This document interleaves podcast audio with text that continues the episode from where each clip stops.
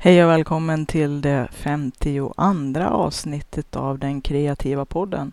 Och idag tänkte jag att vi skulle fortsätta den här serien i hur man kan boosta sin kreativitet. Mera konkreta metoder och knep för kreativt tänkande.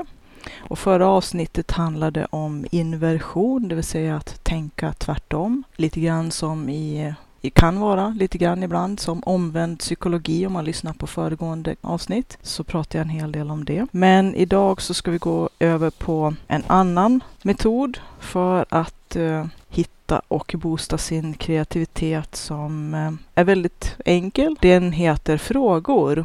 Det kan ju låta kanske självklart eller kanske inte självklart. Vad har frågor med kreativitet att göra?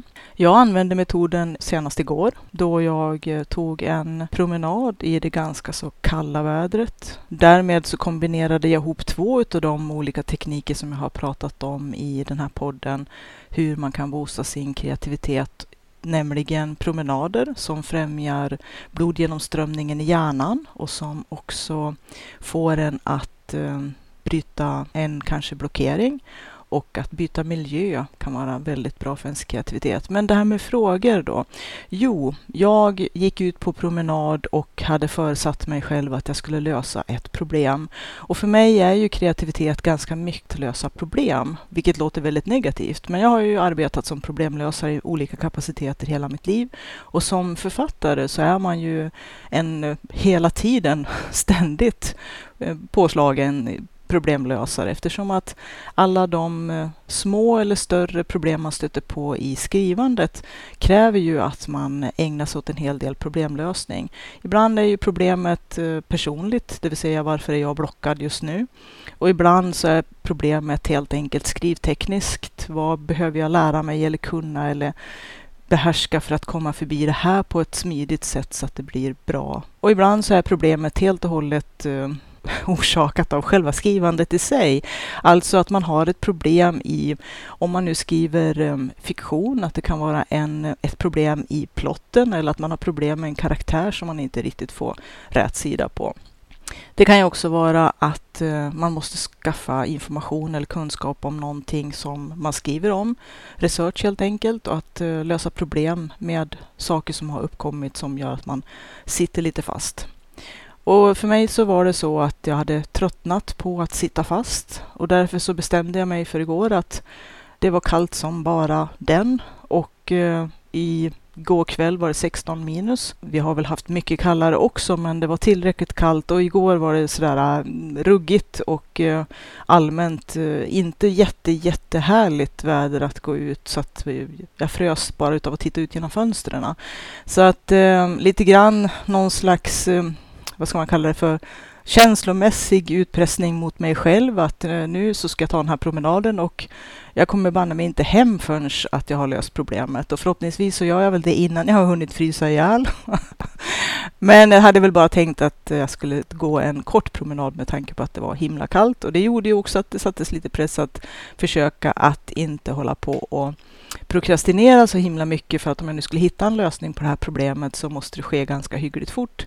Och att jag måste mm, ta itu med det på allvar och inte hålla på lalla runt så mycket som det lätt blir när man har kört fast. Det är väl lite grann det som är en del i problemet också, att när man har kört fast så blir man lite mm, ovillig och eh, så håller man på att snurra runt på en massa kanske oväsentligheter eller andra saker som kanske också är viktiga men som just nu inte är angelägna bara för att man ja, man liksom försöker hitta något sätt att slippa eh, konfronteras med det som man faktiskt måste bita tag i.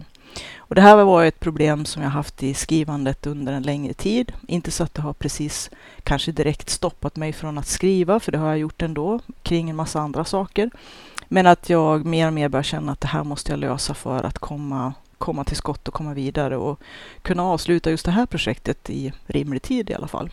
Jag förutsatte mig att försöka lösa det här problemet eh, medelst en promenad, lite frisk luft och eh, lite grann eh, känslomässig utpressning att om jag inte löser problemet så får jag inte vända tillbaka och gå hem. Det låter väldigt hårt, men det funkar i alla fall. Ibland så funkar det med mutor att kanske lova sig själv att få läsa den här serietidningen eller att få läsa ett avsnitt i någon jättespännande bok eller Gud förbjude kanske sitta en stund på internet och surfa, slösurfa på någonting eller titta på någon, eh, ett serieavsnitt eller någonting. Bara inte det råkar bli hela kvällen för då kanske man har missat målet lite grann. Men i alla fall så kan man ju ibland med mutor och lite olika sådana här eh, knep eh, få sig själv att... Eh, det kanske blir ett lite mer positivt incitament, lite mer positivt att eh, lösa saker och ting när man har någonting som lockar, som man kan ha som en liten morot som dinglar framför ögonen så att man känner att nej men nu ska jag ta tag i det här så att jag kan få den här lilla belöningen som jag har lovat mig själv. Det brukar för det mesta funka. Men i det här fallet så blev det lite hårdare tag eftersom att jag kände att nu hade det här börjat bli ett eh, ja, problem lite grann på riktigt. Så att eh, jag, jag gav mig ut och eh, tänkte att eh, nu får det bära eller brista. Nu ska det här lösas en gång för alla. Och jag ska ha lösningen klar när jag kommer hem. Och det är ganska tuffa papper egentligen. Sådär. Och det kanske inte direkt är så superkreativ metod egentligen. Jag tror, för mig så tror jag att det för det mesta inte brukar funka med tvång eller att forcera mig. Men samtidigt ibland så kan det vara kul att ta något nytt grepp när man gör det för att man själv har bestämt det. Och jag bestämde att den här promenaden ska få avgöra, inte kanske allt, men i alla fall få svara på de här frågorna eller de här problemen som jag har. Och dagens avsnitt handlar ju om frågor.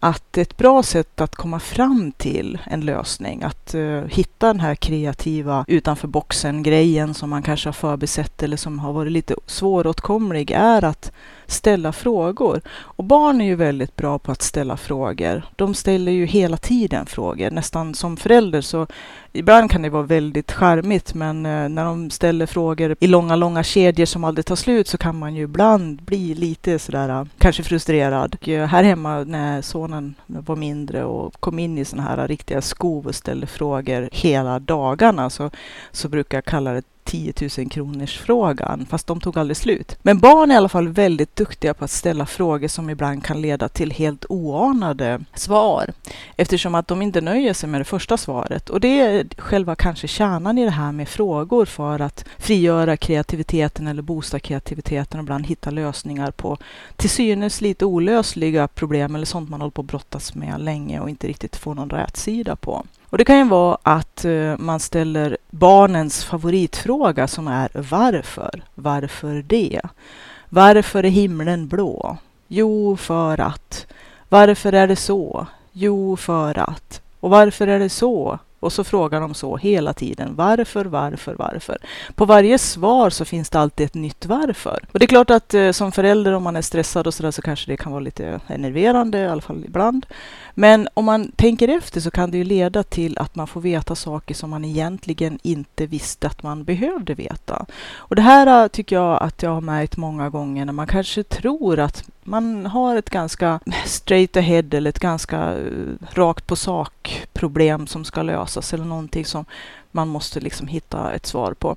Att eh, frågan är si eller så. Vad ska jag göra för att uppnå X till exempel?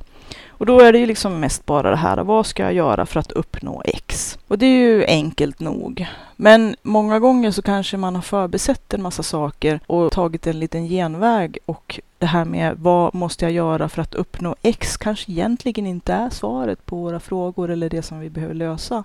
Och att vi kanske ägnar en hel del tid och energi åt, som jag pratade om i en tidigare podcast, som de säger på engelska, barking up the wrong tree.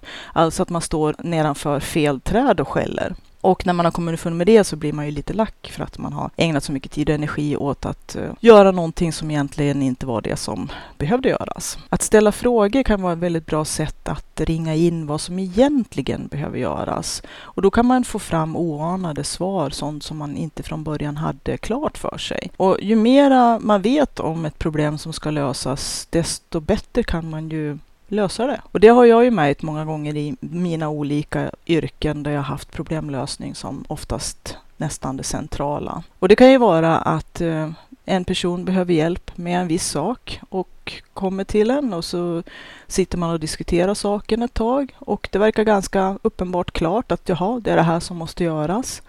Men i, när man har börjat rota lite grann mer och liksom skrapa på ytan så upptäcker man att mm, det är inte riktigt hela sanningen. Inte för att personen som kommer med problemet ljuger, men de har inte haft hela frågan klar för sig heller. Riktigt vad behöver göras och varför och på vilket sätt. Så att många gånger så kan man ju kan man tjäna mycket tid i slutänden genom att ställa en massa jobbiga frågor före man sätter igång.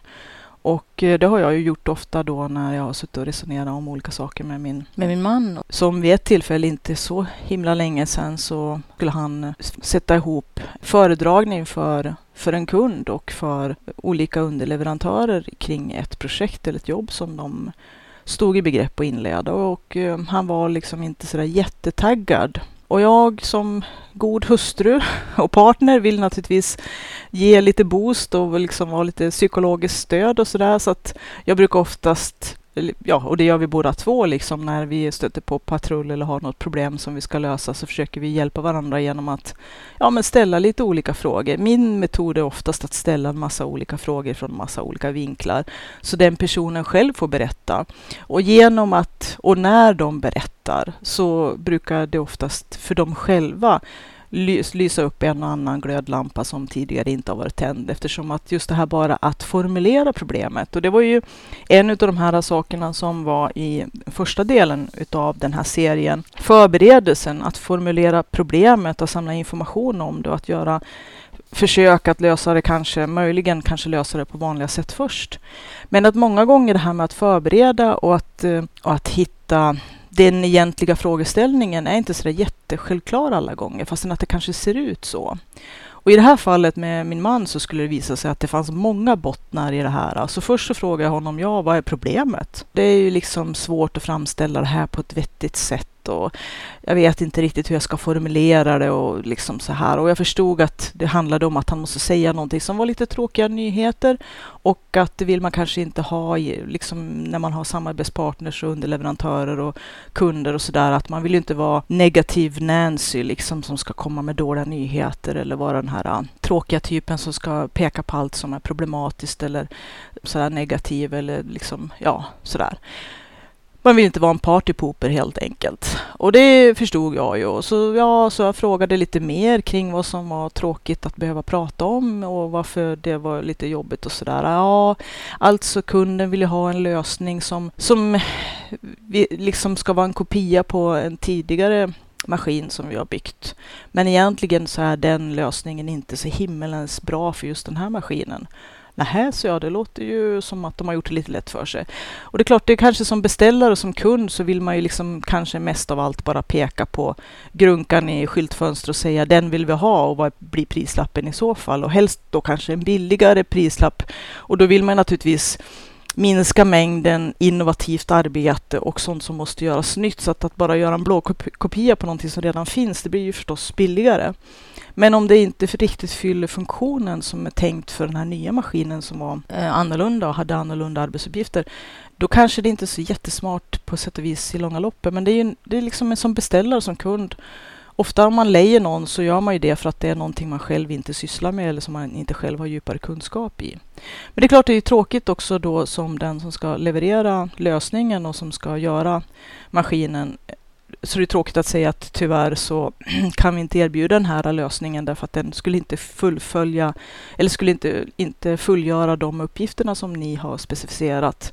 Och det skulle bli så så mycket dyrare om vi ska göra den så som den måste göras för att ni ska få det ni vill ha gjort gjort på ett vettigt sätt. Och det här låter ju jättesjälvklart, men många gånger tyvärr så är det ju så att ekonomi och att titta på prislapparna är ju egentligen det språk som många förstår, men kanske inte riktigt alla de här djupa teknikaliteterna bakom. De vill ha något som funkar och de vill betala för det och de vill helst komma så billigt undan som möjligt. Och det är ju för att vi är ju oftast alla pressade ekonomiskt och sådär. Men det som kanske är en billig lösning eh, sådär ytligt kan ju bli en väldigt dyr lösning på lång sikt. Allra helst om kanske maskinen i det här fallet då inte gör sitt jobb som också är tänkt att betala maskinen. Och det låter ju också ganska självklart, men eh, det är ju lätt att säga. Så eh, jag funderade ju liksom, jaha, men det borde ni ju faktiskt kunna argumentera för så att kunden också förstår varför den här blåkopian på en helt annan maskin faktiskt inte kan göra den här maskinens jobb och så.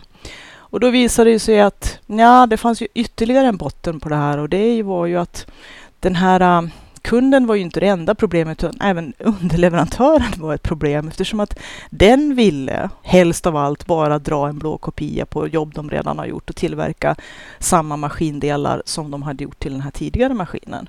Det hade ju varit mycket lindrigare för dem och de var lite pressade just då, vad jag förstår, utav tid och, och saker och ting att få det här klart som på kundens begäran. Och då är det naturligtvis lättare att kanske ta någon standard några standardkomponenter som man redan kan och som man redan har ritningar på som man snabbt kan köra genom maskinen och leverera. Men då problemet då som min man såg och som eftersom att de är huvudleverantör och så var det inte riktigt sådär jättesmidigt kanske för dem att sälja en lite halvbra maskin som kanske skulle göra jobbet halvbra men inte var liksom riktigt exakt up to snuff som de säger på engelska. Och eh, dessutom kanske när det när deras anseende hänger på att någon annan ska komma lite lättare och lindrigare och snabbare och billigare undan också, samtidigt som de inte vill stöta sig med sin underleverantör som gör ett bra jobb och som de är lite beroende av och sådär. Så det visar sig att det fanns ju mycket mer under ytan här än bara vi, jag måste hålla en föredragning och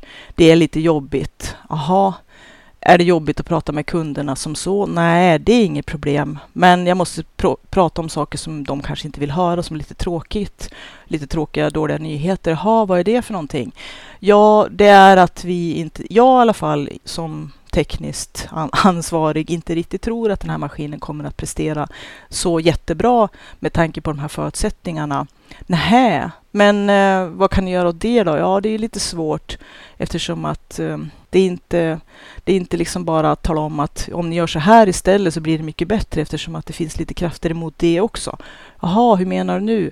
Ja, underleverantören vill helst inte tillverka, specialtillverka en massa delar för det blir ju både, tar ju mycket längre tid och kostar mycket mera pengar också för dem och de är lite pressade just nu. Jaha, det låter ju lite tråkigt. så att den här långa kedjan utav frågor kom ju fram till att det jobbiga var ju inte att hålla föredragningen och det jobbiga var ju inte att hålla en föredragning och ta upp lite negativa sidor utav saker och ting. För det är ju alltid tråkigt att komma med dåliga nyheter.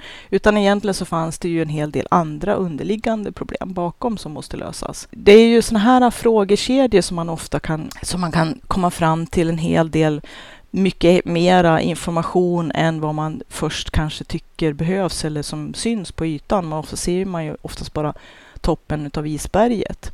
Och eh, så kan det ju vara med ens egen problemlösning också. Att eh, man tar, det är ju lite svårt att komma med konkreta exempel som skulle vara allmängiltiga eller generella, men om man säger att jag vill åstadkomma X och man vet att X är en jättebra grej och man kanske inte måste motivera X heller för att som sagt det kanske är en jättebra grej att ja, det ger lite mera pengar eller jag får bättre CV eller det här är liksom någonting som jag borde utöka min portfolio med eller och så vidare och så vidare. Det kan finnas massa olika skäl. Om man då kanske skärskådar frågan varför vill jag göra X?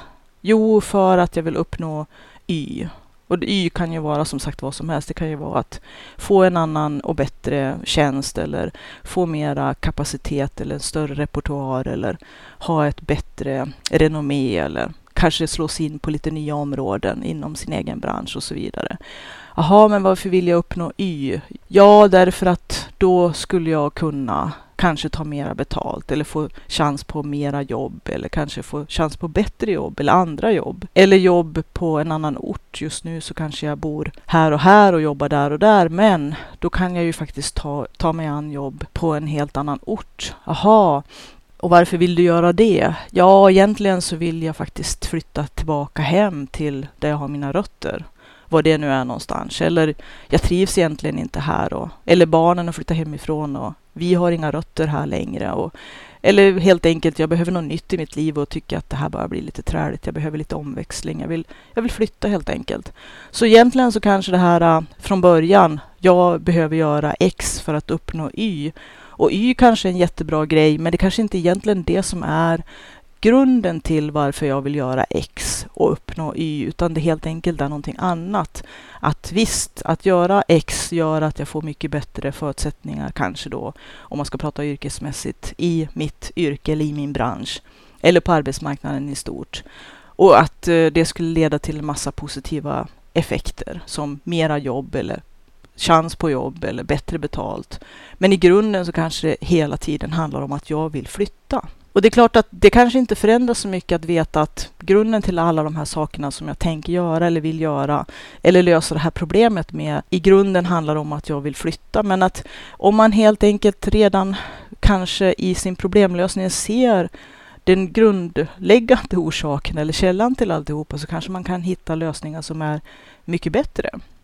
Och nu vet jag inte i det här fallet med att göra en viss sak för att uppnå någonting för att i förlängningen kunna flytta.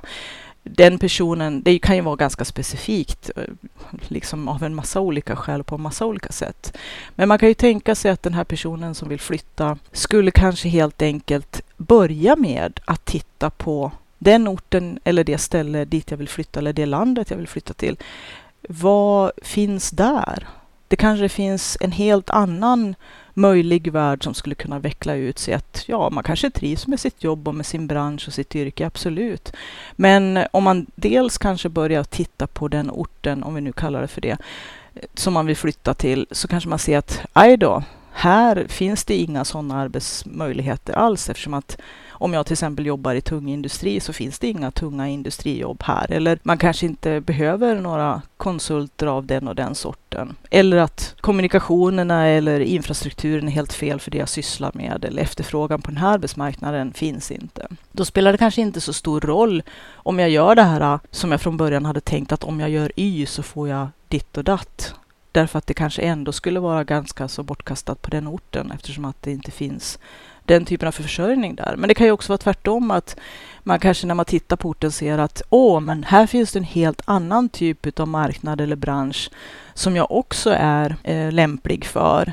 Men då kanske jag istället måste välja att till exempel skaffa den här och den här utbildningen eller den här och den här inriktningen eller göra det här och det här som var en helt annan sak än vad jag från början startade med för att bättre passa in på den här, den här ortens arbetsmarknad eller den här branschen eller yrket som, som de möjligheterna som finns just där. Att man kanske helt enkelt måste ändra inriktning även inom det område som man är aktiv inom eller helt enkelt inse att det finns inte den typen av branscher eller arbetsmarknad här och då måste jag hitta någon annan födkrok. Eller fin finna några andra lösningar som kan man pendla till närmaste ställe i närheten och kanske ändå bo där jag vill bo, men att jag får resa lite. Eller hur löser jag det på för sätt?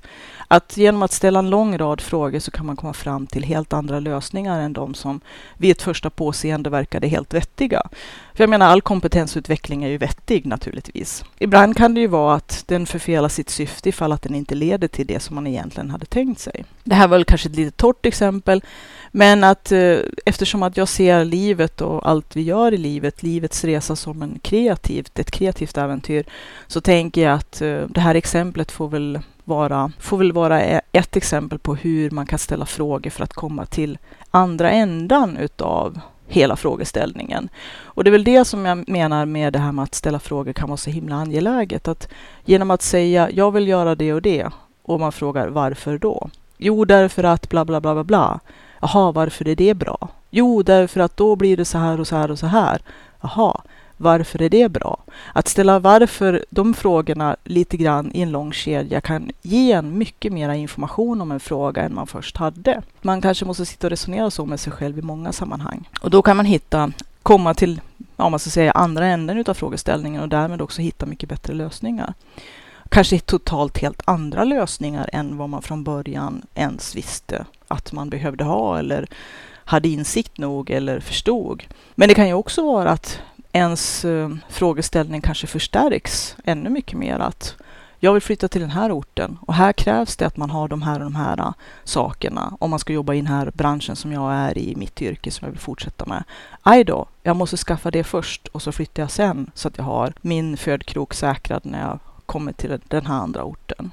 Det kan ju vara så också, men att genom att veta varför man gör någonting på riktigt i grunden, liksom, när man har skalat av alla de här lagren utav det är bra och det är bra och det är jättevettigt och sådär, så kan man ju komma till botten och hitta den verkliga kärnan till varför man vill göra någonting eller behöver göra någonting och hitta de lösningarna på det. Och då tror jag att lösningarna blir mera direkta och rakt på sak, att man löser det kanske det verkliga problemet och inte någonting som man tror är problemet.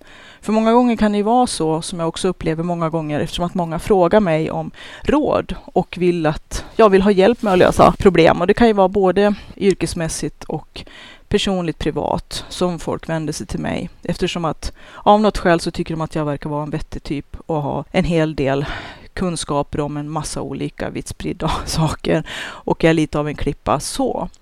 Då kommer de till mig och så kan de ha en sak som de vill ha hjälp med eller kanske ha något bollplank. Jag har ofta bollplank för folk. Eh, det brukar ofta visa sig att det som de först kommer och presenterar problemet eller det de vill ha hjälp med eller vill ha mig som bollplank kring.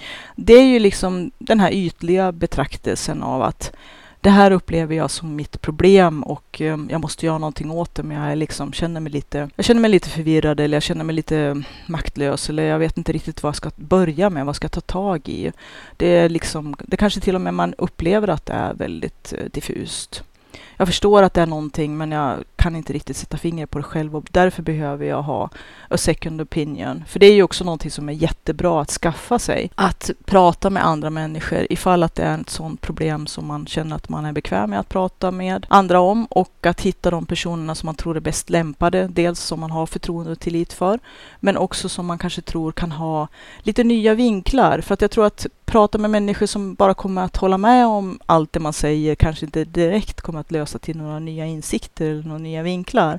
Men att om man ber någon om hjälp så får man ju också vara beredd att om de gör ett bra jobb så kommer de förmodligen att kanske inte smäka en eller stryka en medhårs i allt. Och det kommer att kunna bli lite grann obehagligt ifall att man kanske måste konfrontera sig själv med att det finns saker av det här som jag har valt att inte se eller liksom ignorera eller hoppas att de ska gå bort av sig själv ifall att jag liksom tittar åt något annat håll och så där. För ofta är vi så som människor att vi är lite så här äh, lata djur och att vi vill att det ska finnas enkla lösningar som ska vara snabba och quick fixes och hela den balletten.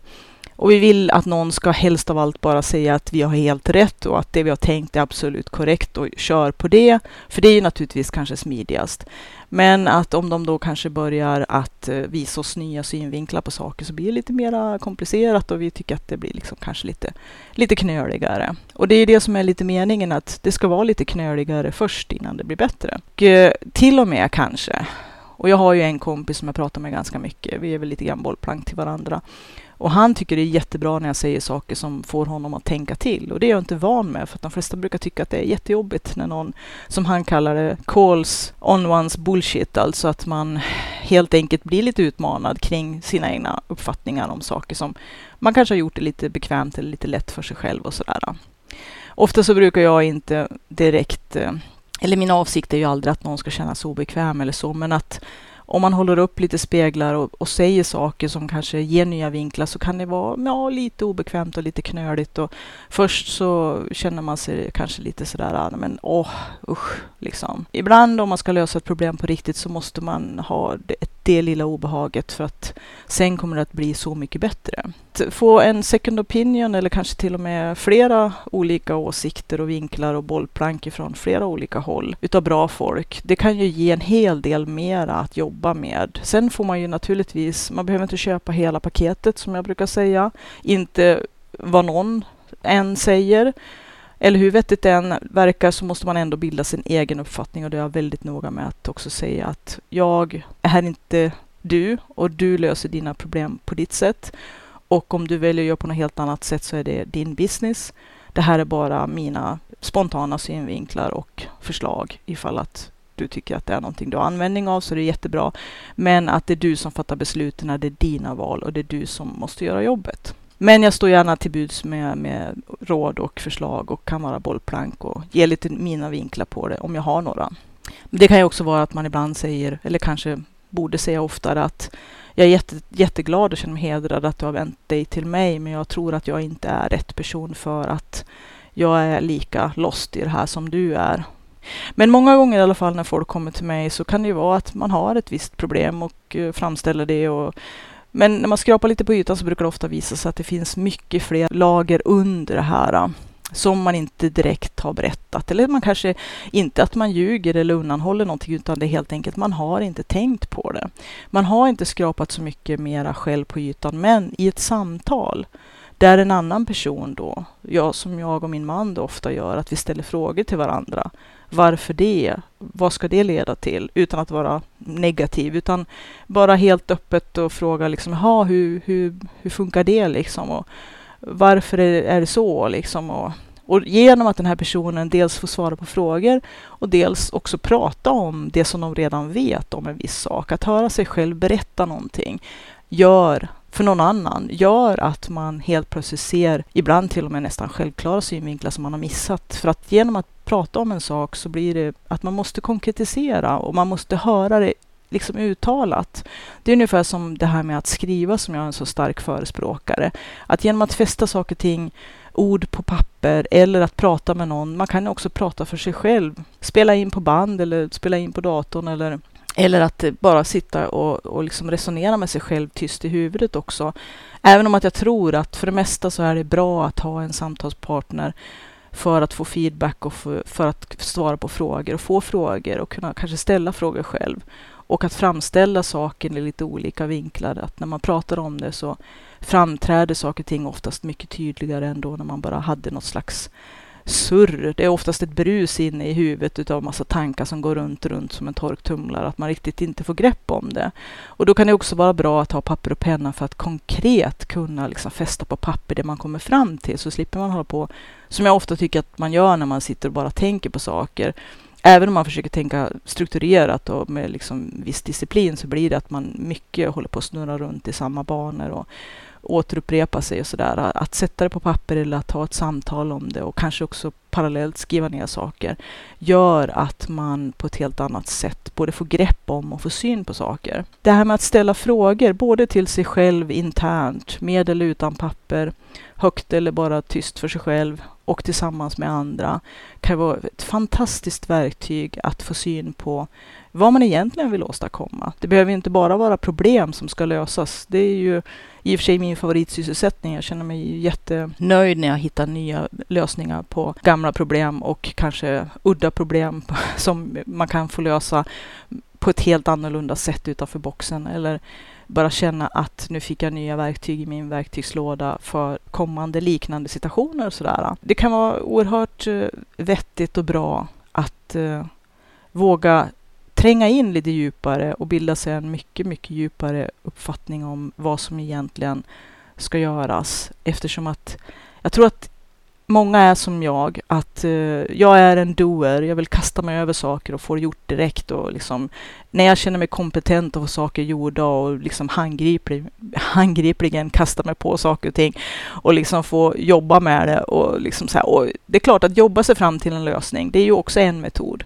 Men att man kan tjäna en hel del tid genom att först vara lite eftertänksam och ställa sig själv eller varandra de rätta frågorna och liksom rota lite grann i problemet innan man liksom kastar sig in och börjar göra en massa saker. För att mycket av det som man kastar sig in och gör kan vara lite bortkastat när man kanske efter ett tag inser att ja, alltså jag kanske jobbar med fel problem eller jag har försökt att lösa det på ett sätt som inte riktigt kommer att fylla de, de funktioner som jag har tänkt från början. Frågor är jättebra och ett jättebra sätt att lära känna både sig själv och sina frågeställningar och kanske också hitta de egentliga motivationerna till varför man vill göra en viss sak. Och genom att hitta källan eller gå igenom alla de här olika lagren och också förstå att eh, jag kanske måste, eller jag har större behållning utav och kan göra ett mycket bättre jobb eller få en mycket bättre lösning eller vara mycket mera kreativ ifall att jag liksom kan så att säga angripa källan direkt. Att om det egentligen är byta ort som är det centrala och inte så mycket att jag vill göra Y för att uppnå X.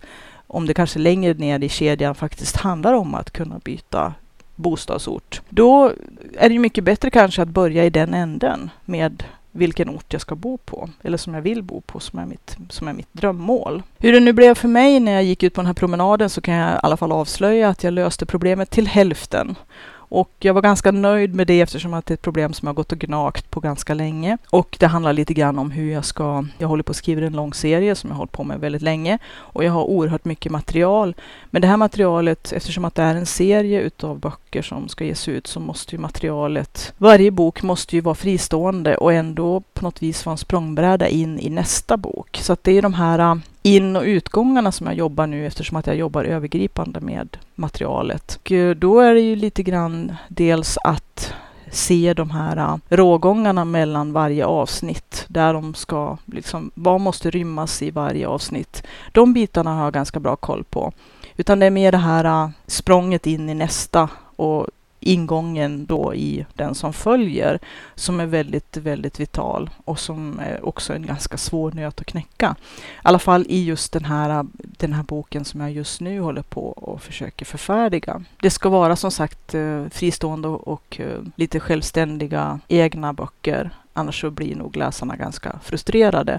Samtidigt som eftersom att det är en serie så måste ju den här språngbrädan in i nästa avsnitt också vara ganska spännande och ge en sån här äh, cliffhanger som de, som de kallar det, men utan att kanske reta läsaren till vansinne för att några svar på en del frågor och det som just boken handlar om kanske ändå måste ges. Eh, jag kom i alla fall fram till en helt ny vinkel faktiskt på saker. Och då när jag började rota lite mera i det så kom jag ju fram till att ja, egentligen så har jag ju vetat det hela tiden. Det är bara det att jag liksom har skjutit det lite grann framför mig och kanske velat inte riktigt konfrontera mig själv med att jag måste hitta en faktiskt en en hållbar lösning på det här som, eh, som leder till och gör det jag vill att den ska göra. Så det jag måste göra och det som jag då gjorde under den här promenaden, det var att börja ställa frågor till mig själv. Och det var att eh, fråga mig vilken ingång, vilken språngbräda in i nästa avsnitt måste jag ha i slutet av den här boken? Och vart är då i så fall lämpligt att kapa